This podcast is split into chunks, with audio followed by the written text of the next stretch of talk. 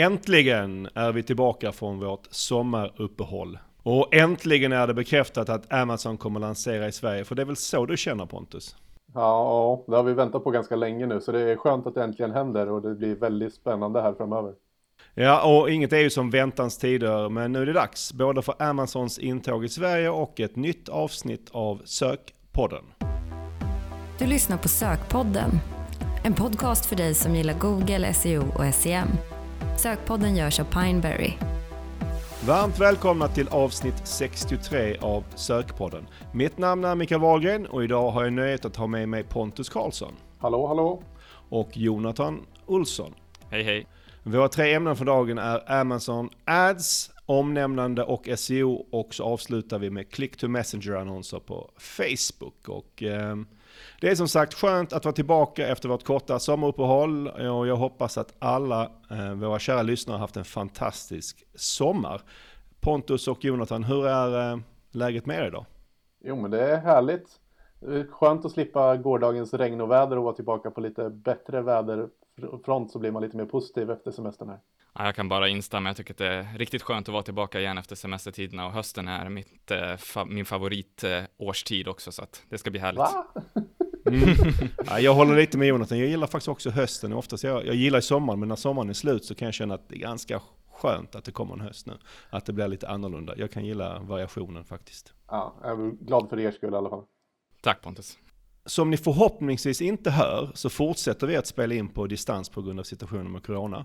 Det funkar ju bra tyckte vi innan sommaren och eh, vi vill inte riskera någonting helt enkelt. Och hur är det, börjar ni bli trötta på att eh, jobba hemifrån eller hur känns det där hemma?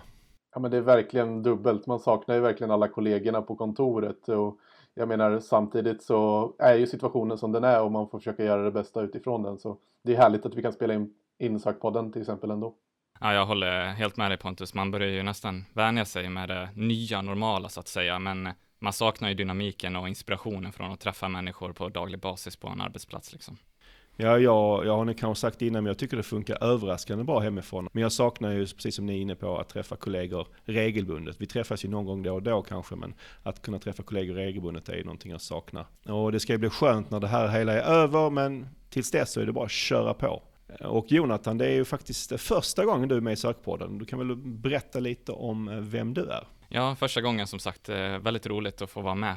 Jag har jobbat på Pineberry i snart två år och jag jobbar främst med Google Ads och Facebook Ads och kom innan dess ifrån IT-branschen där jag jobbat in, in, in helt enkelt med, med Google och Facebook-annonsering. Men man skulle kunna säga att jag jobbade med digital marknadsföring i, i allmänhet i IT-branschen och sen var det väl Facebook-annonsering och Google-annonsering i, i synnerhet så att säga. Vad är det som gör att du brinner just för Google Ads och Facebook Ads?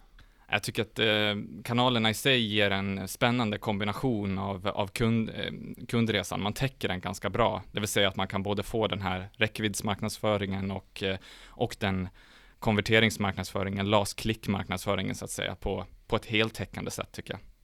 Kul att ha med dig Jonathan och eh, med det så kör vi igång dagens första ämne.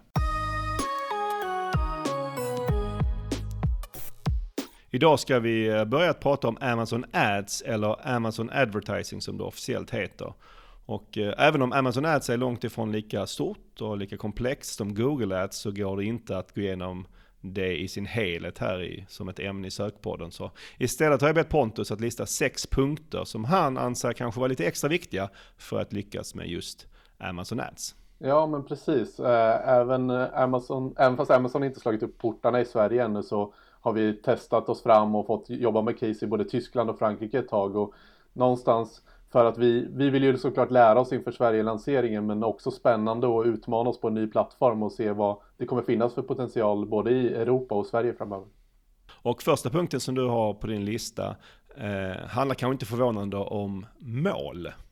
Nej, det kanske inte är jätteförvånande för oavsett vilken kanal man jobbar med så är ju mål någonting som man måste ha med sig in i själva liksom arbetet med att kunna börja med kanalen och på Amazon kan man säga att det nästan är extra viktigt för att dels för att det är en ny kanal såklart och sen finns det också ett antal avgifter som man kanske inte riktigt är van med via i och med att liksom Amazon är den e- marknadsplats som det är så finns det ju en, liksom, en, eh, ett antal avgifter och därför är det så extremt viktigt att man gör kalkylen och räknar fram vilket ROAS-mål eller i Amazons värld ACOS-mål som man då ska ha på den här plattformen. Ja, med tanke på den här avgiften du pratar om, de här procenten man betalar till Amazon för att få sälja där. Och så tillkommer då såklart annonskostnaden. Gör det då att det blir svårare att få ihop kalkylen på Amazon? Inte nödvändigtvis, för, för det är generellt sett billigare att annonsera än på Google och det kanske specifika är att det är högre konverteringsgrader också.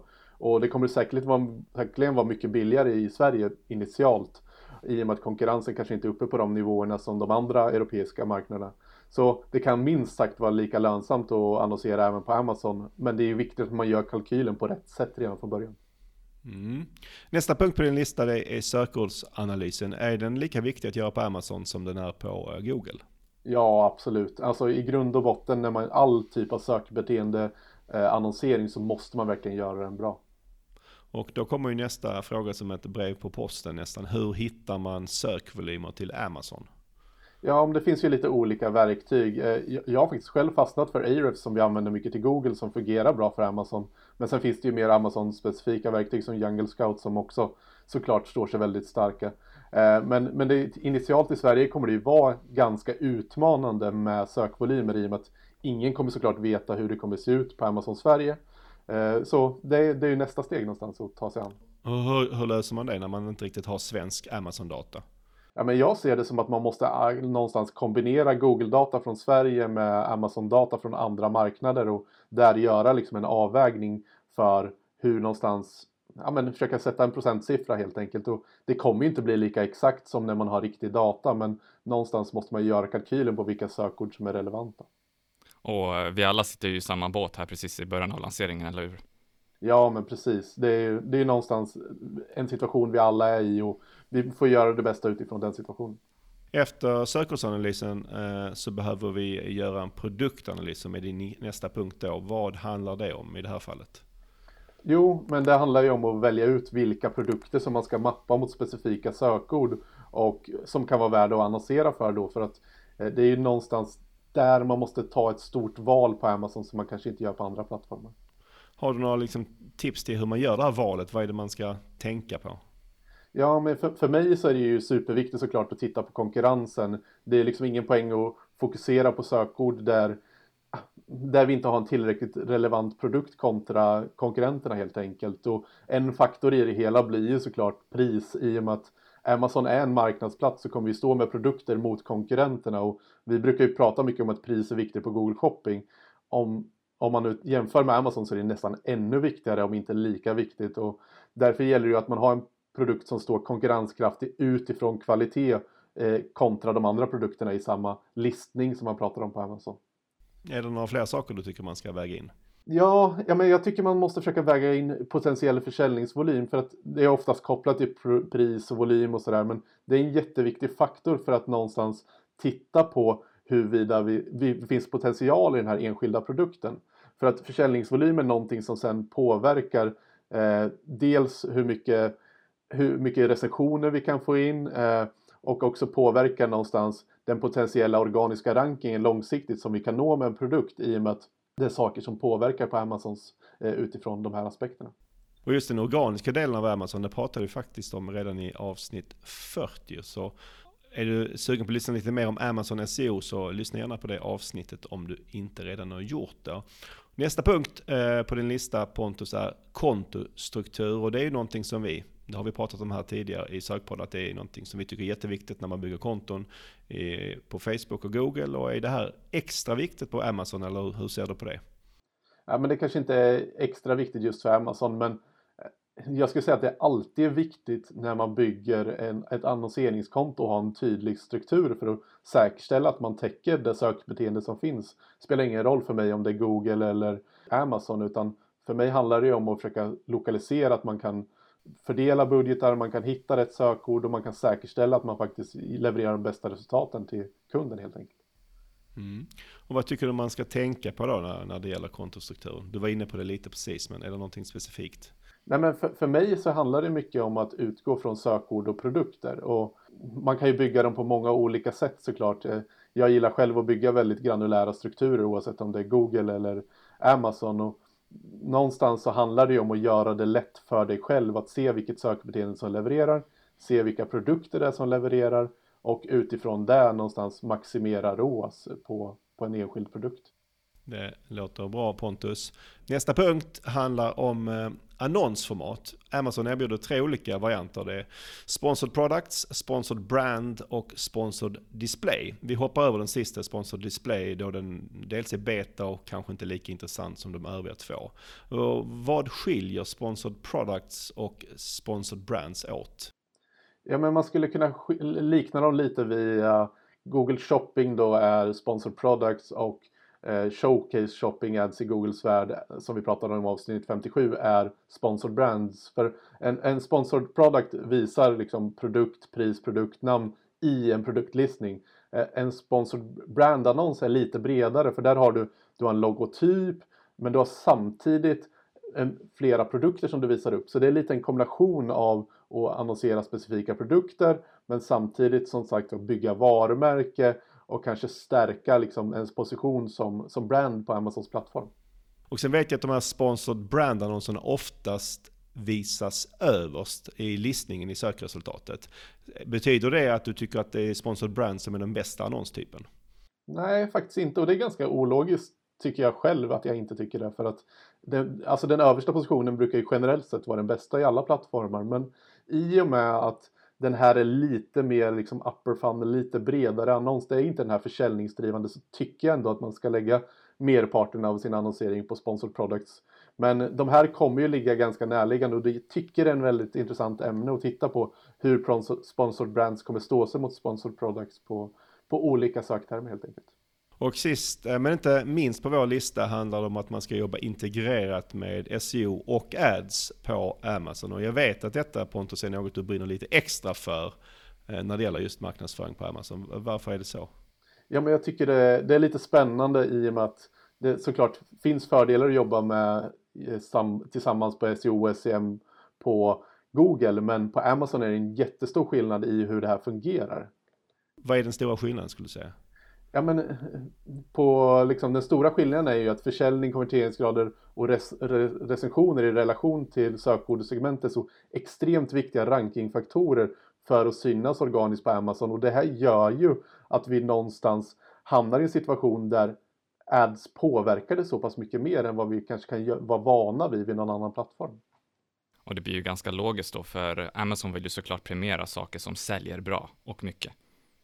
Precis, och jag menar den stora skillnaden är ju på Google någonstans så har vi ju en situation där Google försöker driva vidare trafiken från sökresultaten och eh, stora skillnaden till Amazon är att Amazon vill ju faktiskt driva försäljning på sin plattform och det är ju därför som faktiskt den organiska rankingen här påverkas av försäljningen. Så det är det jag tycker är så intressant här. Skulle du kunna gå så långt och säga att det inte går att synas i det organiska söket på Amazon utan att samtidigt annonsera?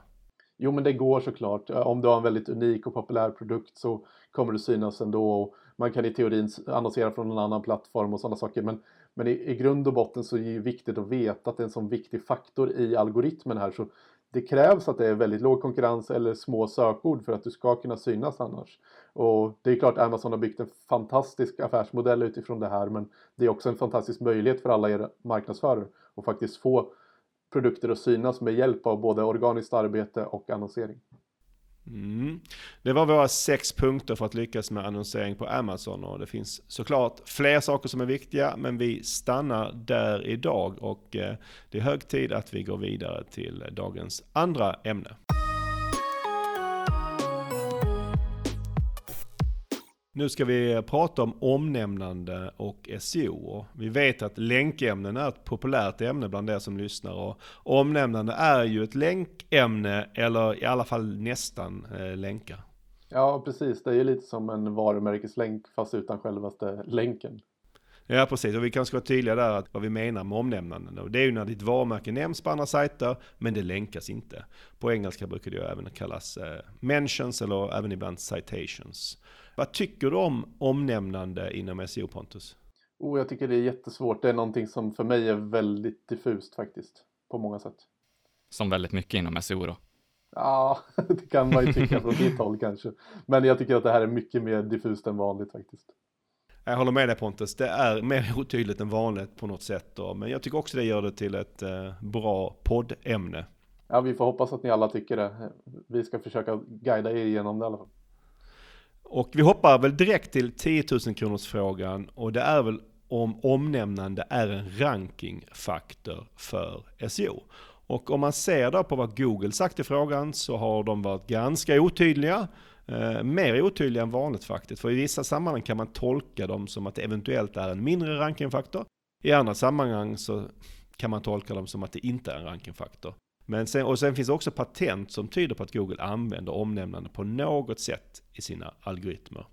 Och tittar man då på vad andra sidan säger, det vill, säga vi som jobbar med SEO, så gjorde Rand Fishkin en undersökning här i höstas där han frågade ungefär 1500 SEO-experter eh, och bad dem att vikta 26 olika rankingfaktorer. Och man kan tycka vad man vill om den här typen av undersökningar. Jag tycker de kan vara ganska intressanta ibland. Men där i alla fall så viktades omnämnande som den femte minst viktiga signalen av dessa 26. Den viktades på samma nivå ungefär som AMP.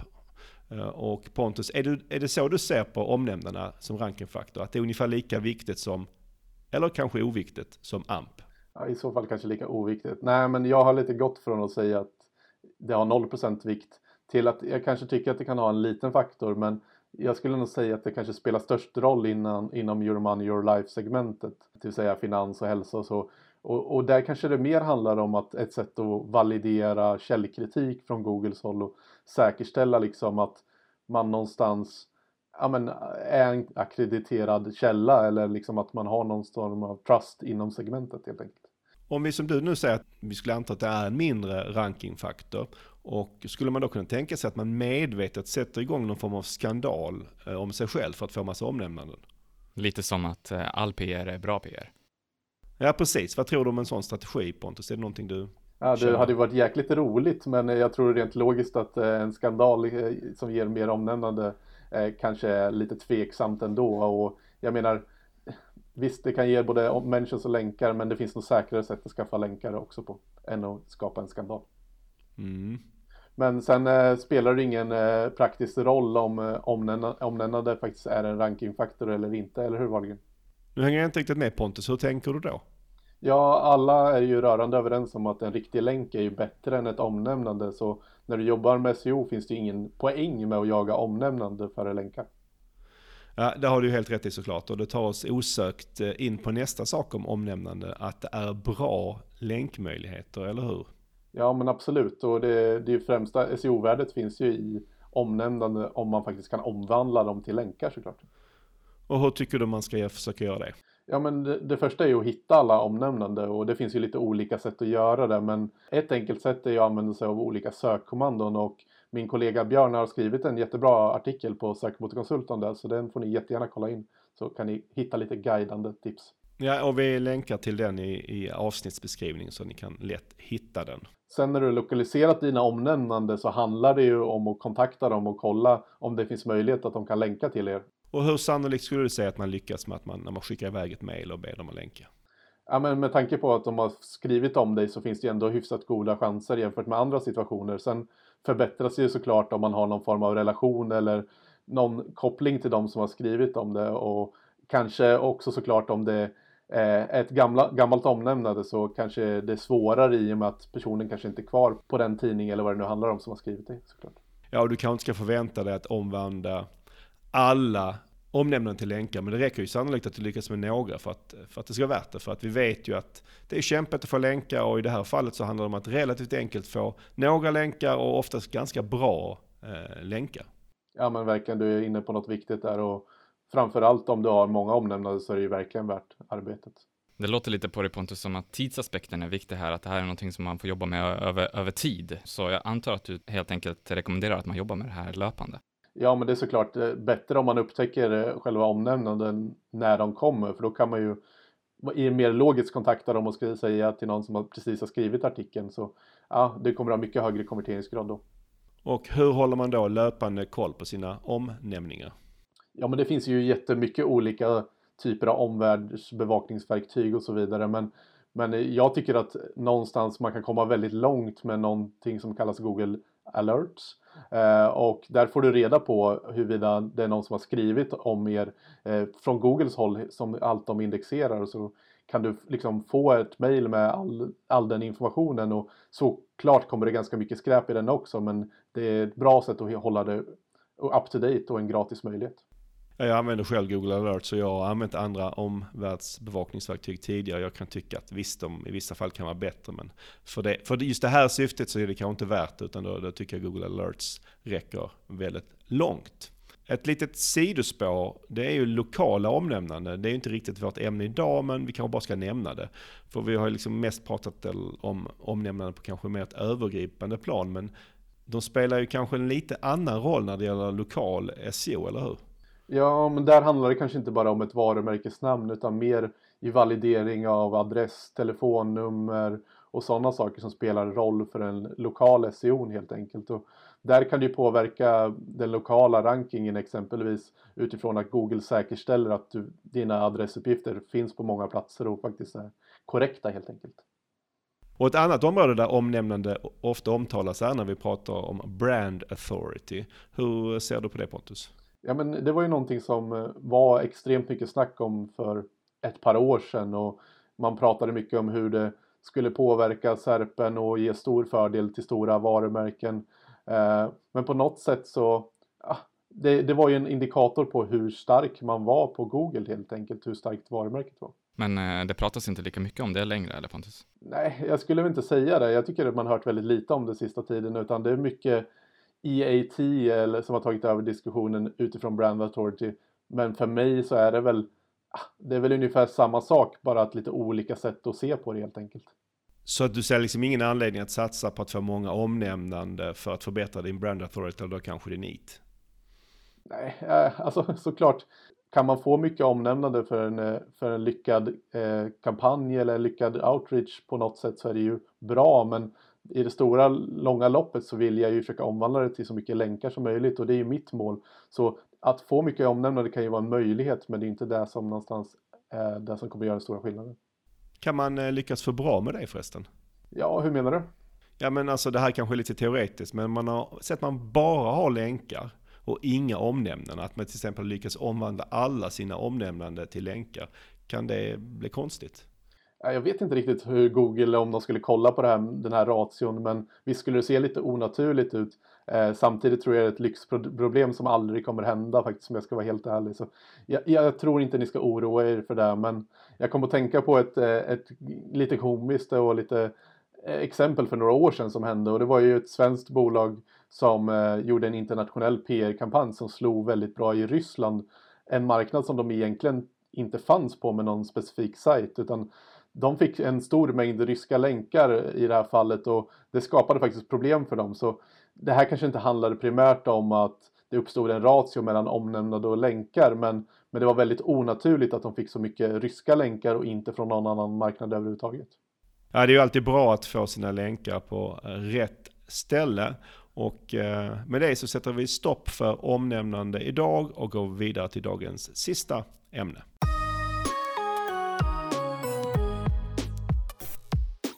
När vi planerade detta avsnitt så frågade jag dig Jonathan om det var någon funktion i Facebook Ads som du tyckte var extra intressant och kanske även underutnyttjad. Och som då såklart vi inte hade pratat om tidigare i sökpodden. Och det tog inte många sekunder innan du sa click to messenger annonser. Varför eh, sa du det? Nej, det gick eh, ganska fort.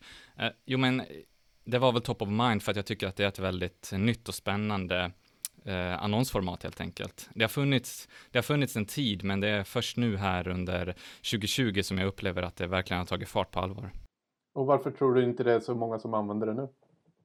Eh, jo, men det finns säkert flera förklaringar till det. Eh, man brukar kalla det här för chatvertising istället för advertising då, som en liten ordlek. Men det är nytt, det känns svårt och chattbottar i, i sig kan kanske kännas lite läskigt så här i dagsläget. Och sen är det väl det är väl lite så också med alla nya format som Facebook och även övriga annonsplattformar släpper, att man vill ju inte kasta hela sin marknadsföringsbudget på, på något nytt utan att testa sig fram eh, sakta men säkert så att säga. Ja, det låter klokt att man vill testa sig fram i så fall. Eh, det finns kanske några som inte har stenkoll på vad click to messenger annonser är för någonting. Kan du förklara det lite kort?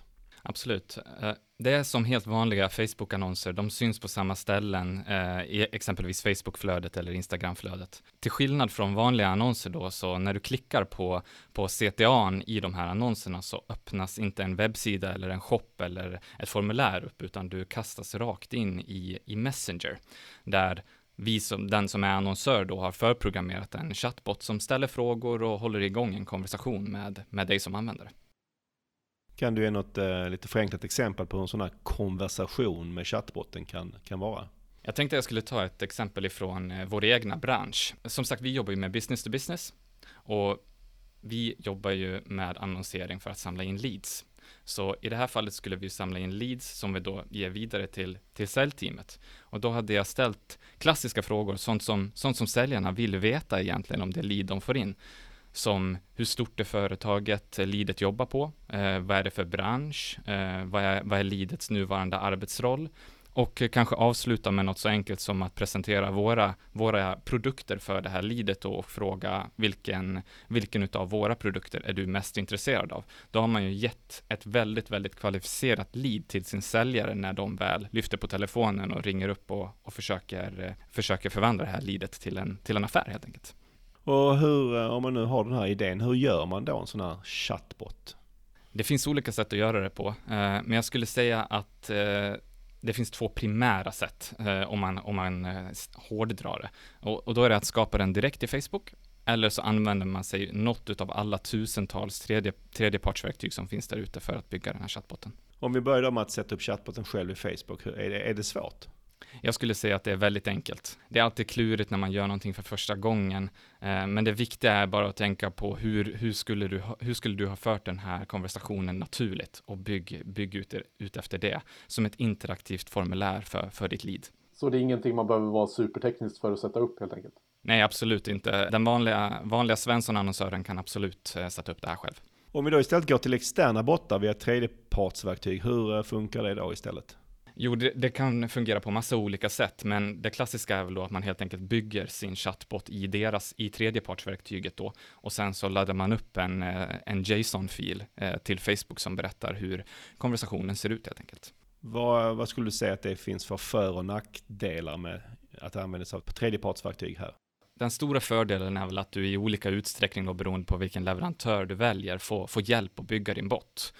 Och du kan också använda den på andra ställen än bara Facebook. Eh, det finns en hel del eh, tredjepartsverktyg som hjälper dig att bygga bottar som du kan placera i, i, i din chatt på hemsidan till exempel eller liknande.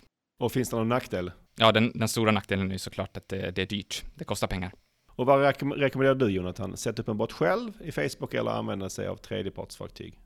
Äh, jag är ju en sån som gillar att göra grejer själv generellt eh, och testa mig fram, så jag skulle säga att lite beroende på förutsättningarna eh, du har som annonsör då, så kan det skilja sig, men eh, de gör någonting som är enkelt, väldigt enkelt. Frågan är bara om man tycker att man ska betala för det eller om man tycker att det är värt att lära sig att göra det, göra det själv helt enkelt. Bra poäng. Eh, och du nämnde där inledningsvis att du tycker att click to messenger-annonser är ett spännande format. Kan du ge något mer? Varför tycker du att det är så spännande? Jag tycker att det finns mycket saker som är spännande med det här.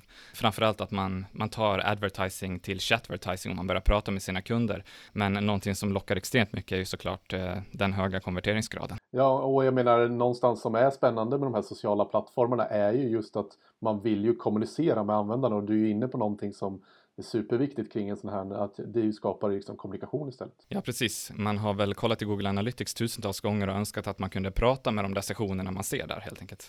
Och eh, det du nämnde om konverteringsgrad så eh, precis som eh, inför alla ämnen vi har där så läste jag lite på kring det här inför idag och då, då skrev någon i en artikel där att man, man får 100% konverteringsgrad om man använder den här typen av annons. Så det låter ju ganska bra med 100% eller hur?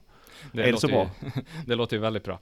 Man skulle nog kunna tolka det så, men jag tror att det de, det de avser då är att alla som öppnar en konversation eh, har konverterat. Men ett lead som bara öppnar en konversation och inte svarar på någonting är ju ett, det är ett lead möjligtvis, men det är också ganska okvalificerat lead.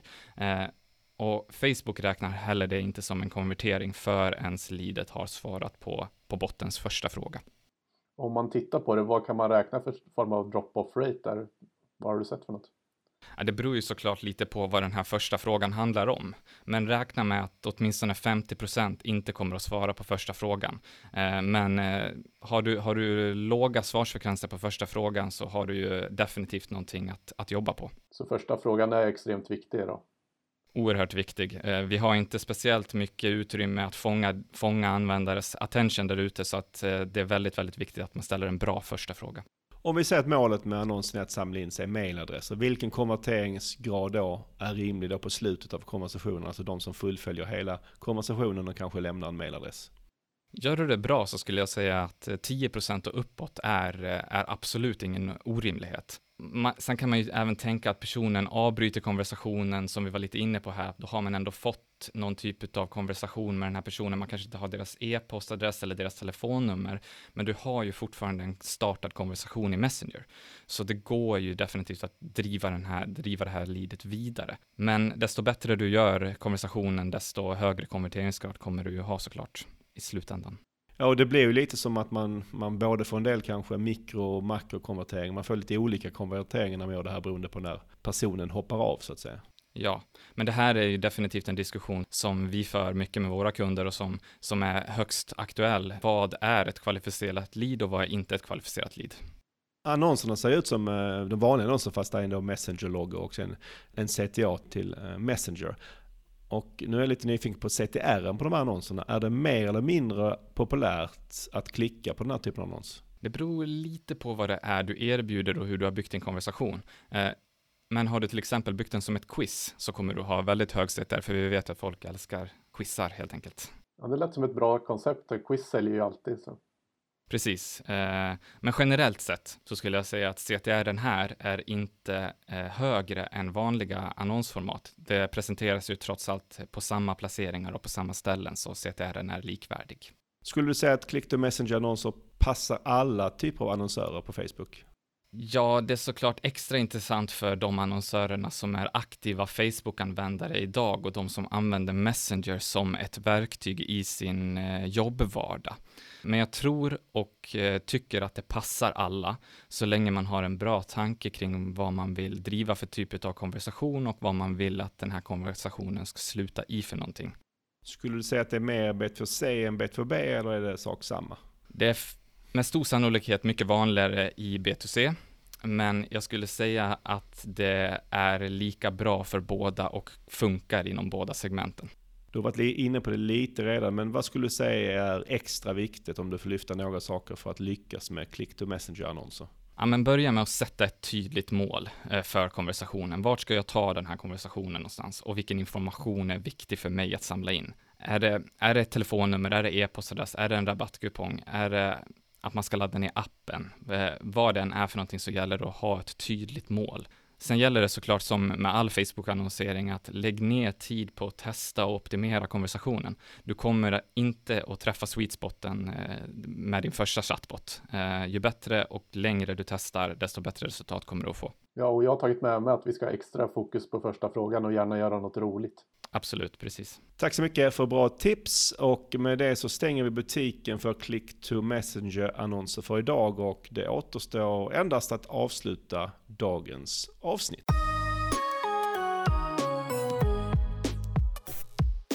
I höst planerar vi för att göra en SEO-klinik igen. Senast var i december förra året så det börjar bli ett tag sedan och det är på hög, hög tid att vi kör en gång till. Ja, det är alltid väldigt kul att göra clinics och kanske är ett av våra mest populära ämnen också.